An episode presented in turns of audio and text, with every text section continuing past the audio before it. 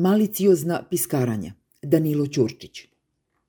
Posle šest meseci bez osobe koja treba da se stara o sprovođenju zakona o zabrani diskriminacije, Srbija danas konačno dobija poverenika za zaštitu ravnopravnosti.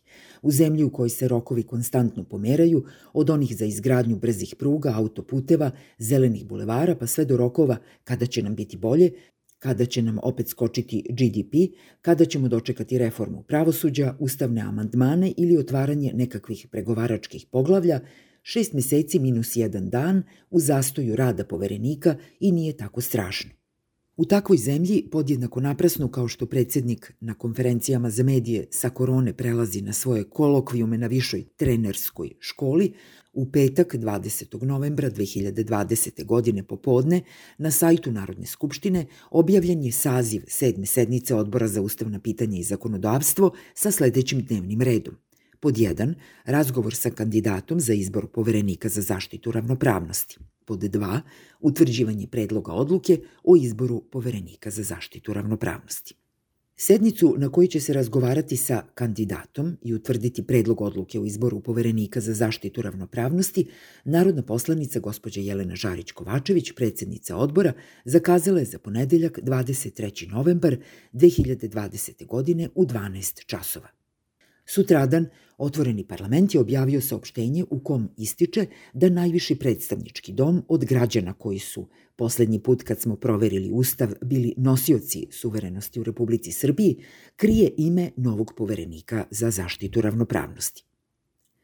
U nedelju, dan pred sednicu, kockice su počele da se sklapaju – Romski centar za demokratiju iz Bujanovca preko medija obaveštava javnost da njihova kandidatkinja, gospođa Emila Spasojević, koja 10 godina radi u instituciji poverenika za zaštitu ravnopravnosti, a koju je transparentnosti radi da navedemo, organizacija koju zastupa autor ovog teksta podržala zajedno sa još 60 udruženja građana, nije ni pozvana na razgovor, odnosno da ona nije kandidat. U ovom trenutku važno je navesti relevantne odredbe Zakona o zabrani diskriminacije koje regulišu način izbora poverenika za zaštitu ravnopravnosti. Ovaj zakon, koji predsednica Odbora za ustavna pitanja i zakonodavstvo, narodna poslanica gospođa Jelena Žarić-Kovačević, pogrešno naziva Zakonom o zaštiti ravnopravnosti, propisuje da svaka poslanička grupa u Narodnoj skupštini ima pravo da odboru predloži kandidata za poverenika. Dakle, koliko god zainteresovani udruženi građani u 60 ili 600 udruženja predlagali nekoga kao svog kandidata, ta osoba to neće postati dokle god iza nje nestane makar jedna poslanička grupa. U našem slučaju ovo znači da poslanici i poslaničke grupe nisu hteli da se konsultuju niti da razgovaraju o stručnim i drugim kompetencijama kandidatkinje koju je predložilo 60 udruženja građana koja se bave zaštitom od diskriminacije i ljudskim pravima.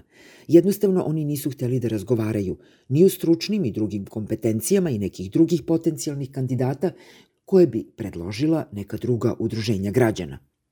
Poslednji pokušaj da se sazna ime kandidata i da se postupak izbora poverenika za zaštitu ravnopravnosti u pristoji stigao je u fotofinišu, nešto malo više od pola sata pred početak sednice odbora, kada su Koalicija protiv diskriminacije i Koalicija za pristup pravdi u svom saopštenju pozvale Narodnu skupštinu da obustavi postupak izbora novog poverenika za zaštitu ravnopravnosti i osigura inkluzivnost i transparentnost tokom celog postupka koji su ove koalicije nazvale tajnim.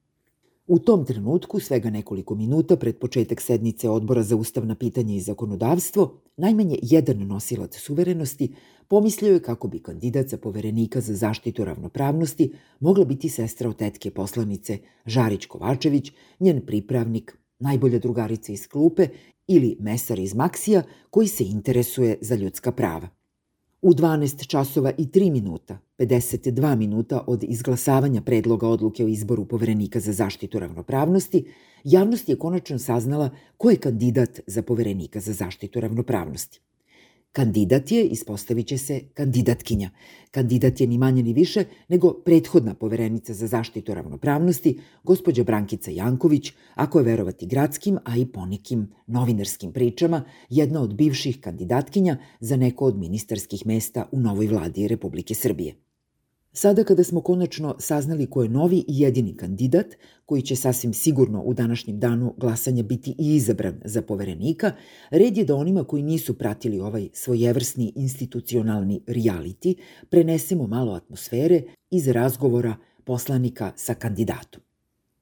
Razgovor sa kandidatom je počeo žustro, onako kako poslanica Žarić Kovačević nanosi štetu u ruinama zaštite ljudskih prava u Srbiji. Za one koji nisu ispratili, poslanica Žarić Kovačević je nedavno podnela amandman na zakon o ministarstvima kojim se praćenje sprovođenja presuda Evropskog suda za ljudska prava briše iz delokruga nadležnosti Ministarstva pravde. Za one koji su pomislili da je žustrina bila usmerena prema kandidatu, gospođi Janković, koja se preznojavala obrazlažući plan rada poverenika u novom mandatu, moramo reći da su naivni. Žustro se poslanica Žarić Kovačević obrušila na nevladine organizacije i određene medije, koji su ukazali na netransparentnost i isključivanje javnosti iz procesa izbora novog poverenika za zaštitu ravnopravnosti, nazivajući sve ovo malicioznim piskaranjima. Nakon toga, kandidat gospođa Janković predstavila je plan rada.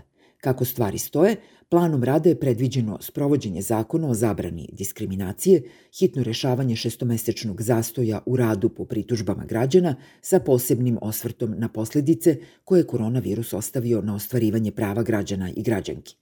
Predstavljanje plana rada poverenika u novom mandatu trajalo je između 10 i 11 minuta.